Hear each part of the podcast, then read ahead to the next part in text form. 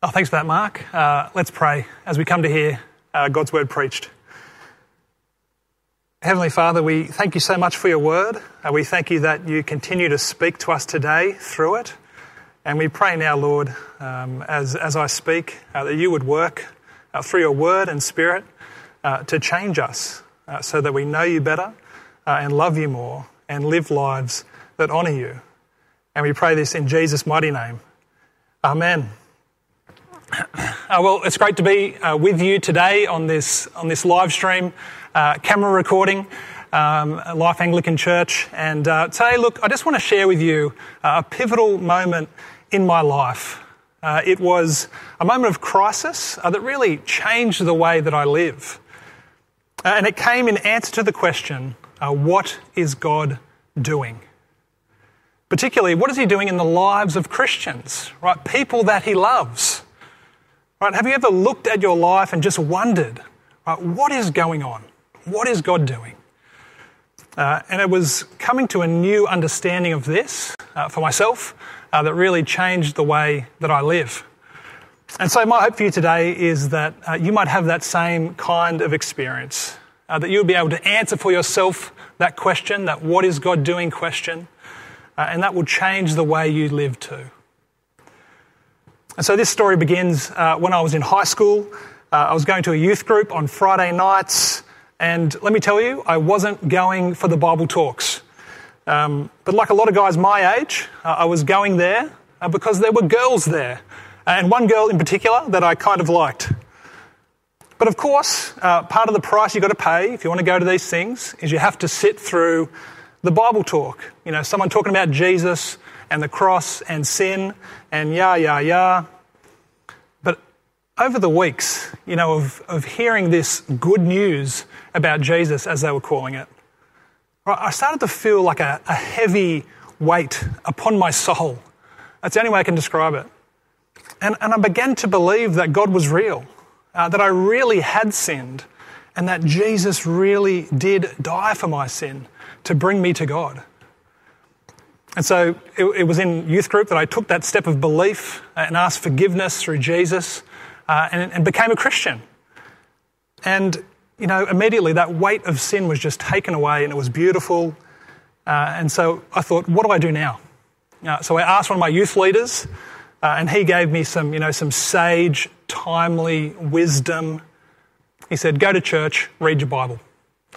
All right, and that, that was really good advice. You youth leaders out there, great advice to give uh, to those kids in youth groups because that's what I did, uh, and I love doing that. And so that was the beginning of my life as a follower of Jesus. And by the way, just to end the story, uh, I ended up marrying that girl that I liked in youth group. We now got the four kids and the dog. So happy ending to that story. Now, it was not long after this uh, that I started to play in the NRL. Uh, I was 18 years old, uh, started playing for the Sharks straight out of high school, basically. Uh, and I had a really kind of fast rise uh, early on in my career. Uh, I became a, a, permanent part of the Sharks' first grade team by the age of 19. Uh, and within about five years' time, I'd played 100 games for the Sharkies. And so my rise was really quick early on and without any setbacks, but that was about to change. Uh, it was 2009. Uh, that year, uh, we won our first game of the season. Then we lost the next six in a row. And it was well known at this stage that I was a Christian. All my teammates knew that. And so they would ask me, Aren't you praying for us? You know, because if I was praying, we would be winning. You know, doesn't God care about you? Because if He did, we'd be winning footy games. Uh, and so our team was in a bit of a crisis, looking for answers. Uh, and the answer at the time was usually came in the form of a, of a team bonding session, uh, which was really just code for a drinking session. Uh, so now I wasn't, wasn't a big fan of these sessions. Uh, you know, being a Christian, didn't really enjoy those things. Uh, so I went to our captain at the time, Paul Gallen, uh, and I told him this. And he said, Look, if you want to organise something different, we will do that. Right? And so he said that not thinking that I would organise anything, uh, but he was wrong because I did. Um, I organised for the team to have a bonding session at church. That's right. uh, the Sharks team were going to church. Now, uh, the media somehow got wind that this was happening, and so they wrote an article, and we'll, we'll put that up. And this is what it said It said, Sharks squad go to church after horror start to season. The Cronulla Sharks have turned to God in the hope of putting an end to their horror start to the 2009 season. And, right, and when I saw this article, I was thinking, God, here is your chance to do something great, right? So people will believe in you, right? If, if, if God can make the Sharks win a premiership, right, he can do anything. And so what happened was that the entire Sharks football team went to church on a Sunday. Uh, and it, it, was good. Uh, but what happened next was more important. Uh, what happened next was we lost our next two games. That's eight in a row. Uh, then I was dropped from the team. Uh, and then to top it all off, I got injured. And now, so to my teammates, it, it could kind of look like following God doesn't make that much difference to your life. Uh, he doesn't seem to care, he doesn't seem to, to do much for those who love him. And so at this point, I even began to ask myself the same kind of questions. Right, what is God doing? Does he care? All right, so this was the end of my time at Cronulla. Um, they didn't want me anymore, so I went to Penrith. I signed with Penrith, headed out west, uh, and, and things didn't really get much better there. Had a few ordinary years, uh, but the real low point uh, in my life and career came in 2012. Um, uh, it was 2012. Uh, it was round one of the season. Um, and in the first game, I got the ball, and what I usually did when I got the ball was just, just run as hard as I could. That was part of my game. Uh, but, but this time, that was a bad idea because uh, I ran face first uh, into this massive forward's shoulder and I got just knocked out, absolutely cold. Um, you can see on the picture there. And I had to leave the field, of course, uh, even had to spend the night in hospital. Uh, the injury was that bad. And that year, you know, I, I, never really recovered from that injury, even though I continued to play throughout the season. Um, you know, but my performances really started to go down. Uh, and as my performances went down, so did I. I, mean, I had a lot of trouble sleeping. Uh, there was very little enjoyment in life. Uh, I was often you know, full of fear and anxiety. Uh, I had a lot of worry and regret um, with things I was doing. And so I was eventually dropped from the Panthers team as well. And that is how the 2012 season ended. Uh, I was in a very low place, and, and not just in footy terms, uh, but, but in life and spiritually. And so, you know, sometimes times of crisis uh, can also be times of great growth. Uh, and this was one of those times for me. Um, you know, I was a Christian. You know, I, I, was someone who knew the God of the universe. And I thought, surely uh, that has to make a difference in someone's life. Know, I was sort of thinking I shouldn't be so deeply affected by, by a game of footy. Um, but, but that's what was happening. You know, my life was being shaped by how I played on the weekend. You know, if I won or played well or you know, did some good things, then I would be happy. Uh, but if, I, if we lost or I played badly or I got injured, uh, then I would be quite unhappy and low. And I knew, you know, there must be more for a follower of Jesus than this. All right, so I, I thought, you know, before the next season starts, uh, I want to get to the bottom of this uh, are determined to find out uh, what was God doing in the lives of Christians uh, and how could that really impact the way that I lived and, and played this game. And so thankfully, you know, this kind of information uh, is not hidden from us. Uh, it's not some, some secret. Uh, God tells us in His Word what He is doing in the lives of Christians. so I took my youth leader's advice from all those years ago and I read my Bible. Uh, and, and, here is the big answer that I found. Uh, what is God doing uh, in the lives of Christians? Uh, well, well, God is saving them. And one passage that really helped me was that one we read today, uh, Romans chapter 8. So I'll just read those first uh, few verses that we read today.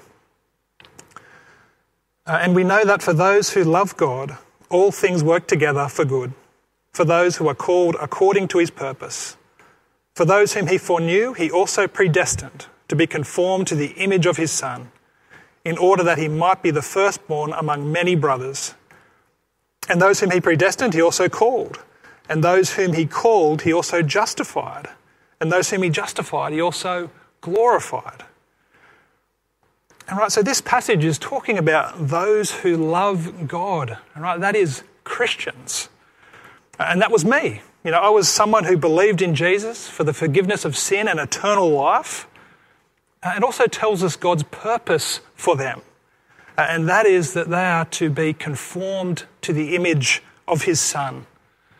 Uh, in other words, God is working to make Christians more and more like Jesus.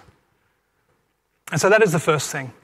Uh, if you are a Christian, uh, this is what God is doing in your life. That's what it means for, for God to work all things together for good. Everything that happens in your life is purposed by God uh, to grow you and to change you and to make you more like Jesus. And so for me, that meant that whether I was winning or whether I was losing, whether I was healthy, whether I was injured, uh, I could know God is doing this, uh, that God cares for me, uh, that He's working for my good uh, to grow me like Jesus. Uh, but wait, there's more.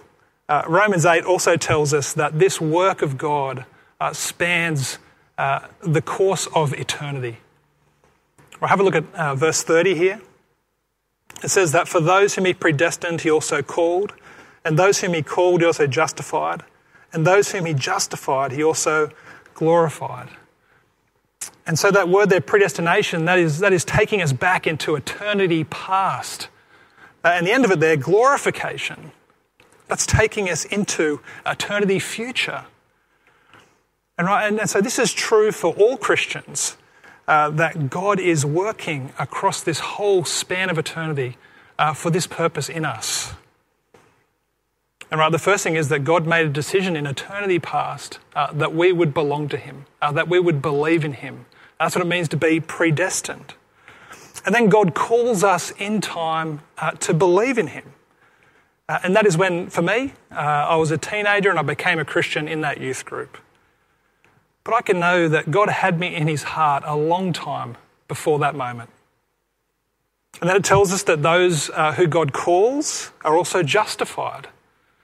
All right, and this is what Jesus' death was all about. Right? Jesus came into the world to save sinners. Uh, and dying in our place, uh, he took uh, all our sin upon himself. So our sins were counted to Jesus. And all his sinless perfection was counted to those who believe in him. And so that is how uh, we are justified, uh, that we are declared right with God, uh, that we can know we're in a right relationship with God now and forever. That's what it means to be justified. And then it goes on those who are justified are also glorified. Uh, and this is where all things are heading. Uh, because this life is not the end, there's a life to come, there's eternal life where there's no more sin uh, or mourning or crying or pain uh, but life with God in paradise. And so that was the second thing that I saw uh, to the answer what is God doing in the lives of Christians? Right? He, he is working everything that happens in our lives uh, for this purpose to make us like Jesus, uh, but also uh, to prepare us for eternal life with Him and all His people. Uh, that is what God is doing in the lives of Christians today. And so this, this absolutely changed the way I viewed life, uh, which of course changed the way that I approached and played a game of footy. You know, football began to look really small uh, because God looked really big. I realised, you know, I'm not the centre of the story, God is the centre of the story. Uh, and His purpose for us is not that we always be healthy and, and happy and win games and do all that kind of stuff that we might want to do. Uh, but His purpose is much better. Uh, he is saving people uh, for eternity with Him through the Lord Jesus Christ. And so, no matter where you are in life, uh, no matter what you are facing at the moment, if you know God through Jesus Christ, uh, you can know that God cares about you uh, and He is working for your good. Right, and you can rejoice in knowing such a great God. And we can trust Him no matter what happens. Now, that's a massive truth, uh, and this was the truth that just changed the way I viewed life. Uh, so, that was 2012, coming into a 2013 season. Uh, and so I went into the, the 2013 season just as a, a changed person. Uh, I wore these truths that I'd learned, kind of like a suit of armour going into the game. You know, I was ready to play, ready to win or lose, uh, to play well or badly, uh, to be healthy or to be injured. Um, I just knew that God was with me. And so for the first time in my career, after, you know, 150 games at this point, uh, I finally felt free when I took the field. Uh, I wasn't fearful of results or what might happen. Uh, I was just free to enjoy the game, uh, trusting God was, was working for my good. And so, what happened in 2013? Well, it was actually a pretty good year by footy standards, uh, if I want to get back to that. Uh, I played every single game. Uh, I became the NRL's leading try scorer. I was the Panthers Player of the Year, uh, Members Player of the Year, and the Players Player of the Year. And so that was a good year. Um, but I guess I'm really pleased that that's not where the story ends. Uh, because you might think that if you just have enough faith in God, uh, that all your dreams are going to come true. Uh, that's, that's not how it is. Uh, the story continues. In 2014, the next year, I did all the same things uh, that I did in 2013, still trusted God and was really felt free playing this game. Um, but this year was a terrible year. Uh, I got injured a lot. Here's a great slide. So, round one, uh, I dislocated my kneecap. Round four, subluxed shoulder uh, and a hamstring tear. Round 10, got a concussion. Uh, round 13, a torn MCL in the knee, uh, which sidelined me for eight weeks. Then round 21, dislocated my AC joint uh, in my other shoulder. So shoulders are going fantastic. Then in the finals, uh, torn ligaments in my ankle, um, and that's how the season ended. 2014 was not a good year, uh, but I knew God was still good, and God was still working for my good. And so this time there was no, there was no questioning of God uh, because I knew what He was doing. Uh, he, he's doing what he's been doing uh, from the beginning of time. Uh, he is saving people. Uh, he's making us like Christ. Uh, he's preparing us for life eternal with him and all his people. And so in that I rejoiced. All right, and you can rejoice too. If you know the Lord Jesus as your Saviour, uh, no matter what happens in your life, you can know God loves and cares for you. He's working together all things for your good. Uh, and he promises to do that until he brings you home to be with him. Uh, so if you don't know Jesus, uh, come to him, believe in him. There's someone here at church who can help you to do that. Um, and if you do know Jesus, uh, trust him uh, and grow in that trust in him. You can live in that freedom that comes from knowing uh, that God is for you. and you can live in the joy of that today. Praise God for such a wonderful Saviour. Let's pray. Heavenly Father, we thank you that you have worked through your word today. Thank you that we have seen your wonderful purpose for us to make us like Christ. Lord, to prepare us for eternity with you and all your people. And so, Lord, we pray that you would grow us in our trust in you, uh, grow us in our joy, uh, that we might live in the freedom that comes from having such a Saviour and such a Lord as you. And we pray, do this work in us by the power of your Holy Spirit. In Jesus' name, amen.